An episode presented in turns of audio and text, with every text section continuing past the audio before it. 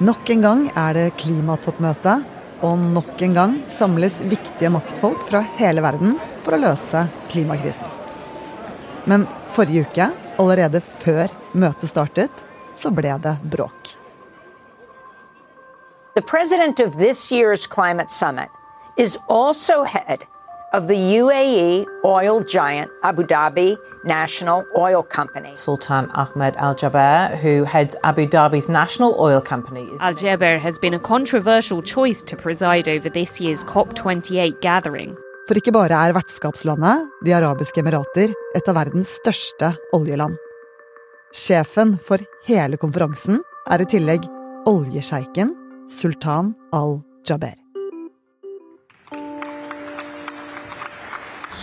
Take uh, this task of hosting uh, COP28 with humility, uh, with a deep sense of responsibility, and we also understand and fully appreciate. Kan vi stole på det de sier? Du hører på Forklart fra Aftenposten, en podkast der vi tar for oss én nyhet i hver episode. I dag om paradoksene rundt klimatoppmøtet. Det er mandag 4. desember, og jeg heter Synne Søhol.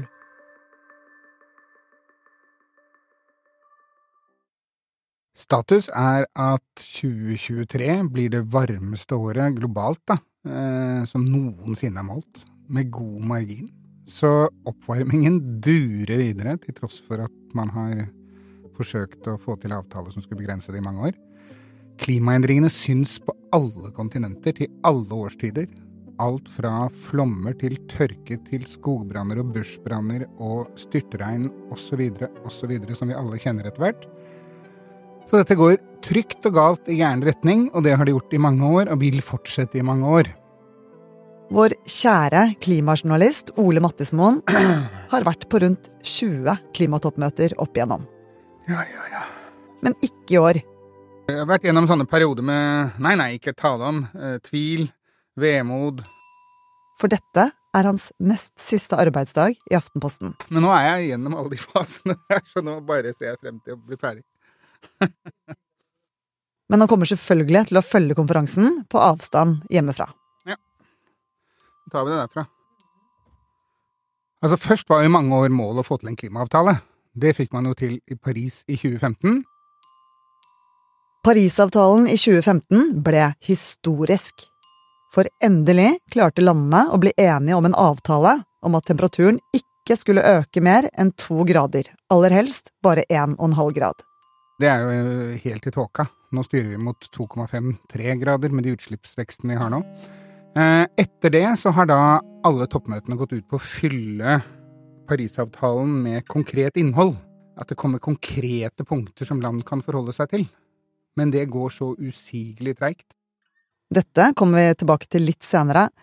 I år så holdes møtet i De forente arabiske emirater, et av verdens største oljeproduserende land. Hvorfor skal nettopp de holde dette møtet? Disse toppmøtene går på rundgang. Eh, og det er blitt sånn, dessverre, at det landet som sier 'jeg vil gjerne ta det møtet', får det nesten. Fordi at det er så omfattende. Det kommer 10 000, 20 000, 30 000 mennesker til disse møtene. Det er en enorm logistikk. Du må ha store konferansesentre og enorm hotellkapasitet for å klare det. En by som Oslo ville aldri hatt sjans. Så at konferansen er i Dubai, er ikke så unikt. I fjor var det i Egypt. Tidligere er det blitt holdt i Qatar. Men det som er spesielt, er at sjefen for hele klimatoppmøtet er en oljesjeik. Han er oljesjeik, men han er også fornybarminister. Eh, Det er jo positivt, men han har selv uttalt at fornybar energi det kommer som et tilskudd til fossil energi, i motsetning til hvordan veldig, veldig mange andre mener, nemlig at det er fornybar energi som skal erstatte fossil energi. Der virker det ikke helt som han er. Før toppmøtet startet, så fikk BBC og Center for Climate Reporting tak i lekkede dokumenter som viser at Emiratene vil bruke toppmøtet til å sikre flere investeringer for oljeselskapet. Men oljesjefen selv mener dette er falske anklager. These allegations are false, not true, incorrect, and not accurate. and it's an attempt to undermine the work of the COP28 presidency. Likevel, kritikken mot ham og klimatoppmøtet har vært enorm. Og når statsledere eller samfunn, hva skal jeg si, topper fra land møtes i en eller annen rolle, enten det dreier seg om eh, klimaforhandlinger eller skogforhandlinger eller hva nå enn det er for noen handelsforhandlinger, så bruker de alltid anledningen når de har én-til-én-møter eller eh, med andre ledere, og ta opp andre saker som er viktige for det landet deres. Og det kommer han garantert til å gjøre, og det viser dokumentene som er lekket at han har eh, gode talepunkter både på, både på ny gassutvinning, ny oljeutvinning osv. Men så er det kanskje nettopp en oljestat som må til for å få andre oljestater, som Saudi-Arabia og Russland, for å få de til å fase ut olje og gass?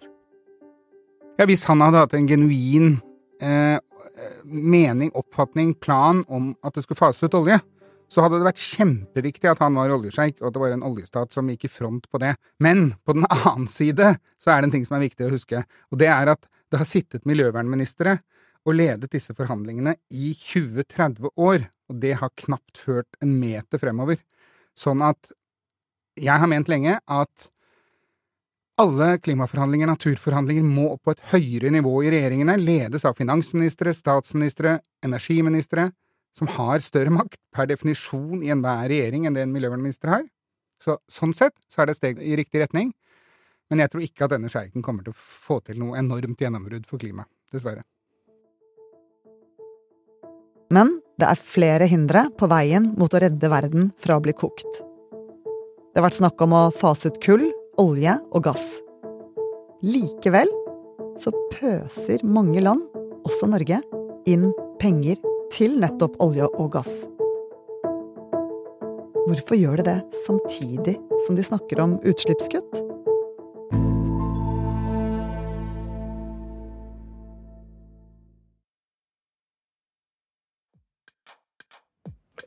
Jeg har jo ikke rukket å snakke med andre enn dere og Aftenpodden-gjengen. Siden jeg kom hit. Mens Ole Mattismoen blir hjemme, er Aftenpostens politiske redaktør Kjetil B. Alstaheim på plass i Dubai. Nei, det er, det er, så, det er så, sinnssykt svært, de greiene her. Så sånn, bare, jeg har brukt uh, tida på å spille inn podkast, og så liksom få oversikt over hvor, uh, hvor er ting. Men det han har fått oversikt over, er hva fokuset blir på årets toppmøte. Det viktigste blir eh, for landene å se da på hvordan ligger verden an, med tanke på de målene som, som de i fellesskap har satt seg. Noe av det handler om finansiering av eh, klimaomstilling og altså satsing på fornybar energi og sånn i fattige land, og de landene som er mest utsatt for klimaendringer. Eh, og så handler jo mye også om hva skal man gjøre med fossil energi, altså kull, olje og gass. Verden er inne i det varmeste året registrert noensinne. Det er nå så varmt at selv om vi holder klimaløfter, så kan det få dramatiske konsekvenser med ubeboelige områder, mer smelting av polisen, og deler av regnskogen i Amazonas kan forsvinne. Og tre av syndebukkene er nettopp kull, olje og gass. Det internasjonale energibyrået følger jo den utviklingen veldig tett. Det byrået sier, er at uh, nå er det en omstilling på gang. Det er store investeringer i fornybar energi. Det er blitt uh, såpass rimelig å investere i vindkraft og solenergi at det brukes uh, mye penger på det, og at det blir mindre investeringer i fossil energi. Altså, De mener at veksten i bruk av fossil energi kommer til å stanse i løpet av dette tiåret. Og det høres jo kanskje ut som burde ikke det ha skjedd for lenge siden, og det burde det ha gjort. Eh, men det har fortsatt å vokse. Men nå ser da IEA at det kommer til å nå toppen. Eh, og så eh, holder jo ikke det. Det holder ikke å bare nå toppen. Forbruket av fossil energi må kraftig ned også. Ok, Så vi har ennå ikke nådd toppen i forbruk av olje og gass. Hvorfor fortsetter det å vokse, egentlig? Det alle økonomer sier, er at det må koste å slippe ut. Nå er det stort sett gratis å ødelegge klimaet. Så du må få en pris når du, når du brenner bensin eller gass eller uh, kull. Uh, og vi ser rundt omkring i verden at det blir mer uh, CO2-avgifter og kvotesystemer og sånn, som betyr at det får en kostnad å, ødelegge klimaet. Men det er fortsatt sånn at veldig mange utslipp blir subsidiert av staten. At man gir ulike støtteordninger til, uh, til folk og til bedrifter for å, for å gjøre regningen deres for kull, olje, gass og strøm som er laget med fossil energi, lavere enn den ellers ville vært. Mens statsledere snakker høyt om hvordan de skal redde klimaet, så gjør statskassene noe helt annet. For olje- og gassbransjen verden rundt mottar det vi kaller subsidier fra statskasser. Veldig mye penger. I fjor mottok 175 land fossilsubsidier på 75 000 milliarder kroner. Det er nesten det samme som 40 norske statsbudsjett. Ja, det betyr for eksempel, i mange land at uh, bensinprisen holdes kunstig lav. Folk betaler ikke det bensinen egentlig koster, men staten kommer inn og tar en del av regningen. Med andre ord, det er duket for at olje- og gassbransjen bare kan kjøre på. Og hvis man hadde kuttet ut den eh, sponsingen av klimaødeleggelser, så ville man, verden vært på en mye bedre kurs enn det, det den er nå. Hvorfor bidrar stater til mer utslipp? Den ene grunnen handler om energikrigen mellom Russland og EU. Så har jo prisen på gass blitt veldig høy. Og det har fått uh, konsekvenser for næringsliv, fått konsekvenser for forbrukere, husholdninger. Og da det, er det jo vært har myndighetene gått inn med støtteordninger i mange land for å hjelpe folk og næringsliv med strømregninger og med gassregninger. Den andre grunnen til at mange land subsidierer olje- og gassbransjen, er for å hjelpe de som har dårlig råd, sånn at De får hjelp til å skaffe seg den energien de trenger. Uh, og, men når man går inn og ser på hvem som har størst utbytte av den type subsidier, så er det jo de som bruker mye energi, og det er ikke de fattige. Det er de som har de store bilene, store husene uh, og har det største, høyeste energiforbruket. Og Norge, da? Nei, vi er ikke noe bedre.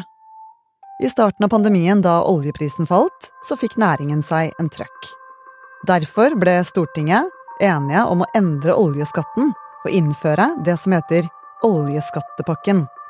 Det er en slags subsidie som skulle sørge for at selskapene hadde noe å gjøre. Og det er noe av det vi ser nå, at det er store investeringer i norsk olje- og gassektor fordi den fikk en gunstig skattepakke under pandemien. Hva var unnskyldningen til eh, Norge, da? Ja, Det var en bekymring for at det skulle bli en sånn bråstopp. Og det er jo det du ser eh, blir en begrunnelse i mange land. At det er hensyn til arbeidsplasser, hensyn til eh, de som jobber i kullgruver f.eks. Vi kan, vi kan ikke bare kutte ut kull, for da er det mange som blir arbeidsledige, og de trenger jo noe å leve av. Så det er den type argumenter som brukes for å forsvare uh, subsidier av, av, energi rundt omkring. Hvorfor kan ikke landet bare droppe subsidiering av olje og gass?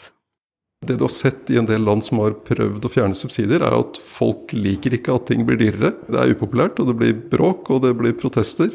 Og at det, det, det er rett og slett politisk vanskelig. Så spørsmålet er jo hvordan man gjør det på en måte der du får med deg folk, og der du får gitt støtte til de som faktisk trenger det. I fjor så mottok 175 land eh, fossilsubsidier på 75 000 milliarder kroner. Hvordan hadde det påvirket klimautslippet da, hvis disse pengene ble kuttet eller brukt på klimatiltak istedenfor? Bare det å slutte å subsidiere uh, fossil energi, slutte å, støtte forbruket av fossil energi, vil jo, vil jo bidra betydelig. Uh, avhengig av hvor, hvor omfattende man, man, går inn med tiltak. og så kunne man jo da også flytte noen av de pengene over til det man ønsker mer av, i stedet for å støtte det man ønsker mindre av. Men Kjetil, dette ser jo ikke veldig lyst ut eh, på klimakonferansen. Både disse anklagene om at klimatoppsjefen har oljeinteresser, og disse subsidiene som jobber i motsatt retning av det å kutte utslipp. Er det noe håp om at samtalene på denne konferansen kan føre i riktig retning? Et positivt tegn i forkant av dette møtet var det at USAs president Joe Biden og Kinas president Xi Jinping møttes i San Francisco og hadde klima som en av sakene de snakket om. Det at Kina og USA snakker om klima er, er veldig viktig. Eh, og så har du jo trender i verden som da Internasjonale energibyrå peker på. Blant, og bruker som eksempel da at for tre år siden så var én av 25 biler som ble solgt elektriske. Nå er det én av fem. Og de tror at i 2030 så vil annenhver bil som selges, være en elektrisk bil. Uh, så de ser, de ser en, en endring. Den går ikke fort nok, men den går i riktig retning.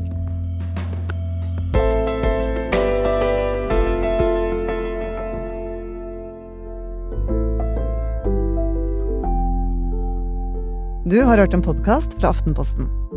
Det var Ole Mattismoen og Kjetil B. Alstadheim som forklarte deg noen av paradoksene rundt årets klimatoppmøte. Denne episoden er laget av produsent Olav Eggesvik og meg, Synne Søhol.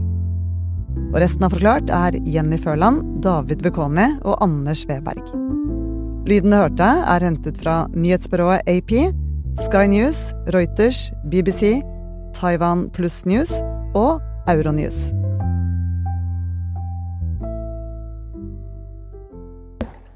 I Norge elsker vi når kongen tar trikken.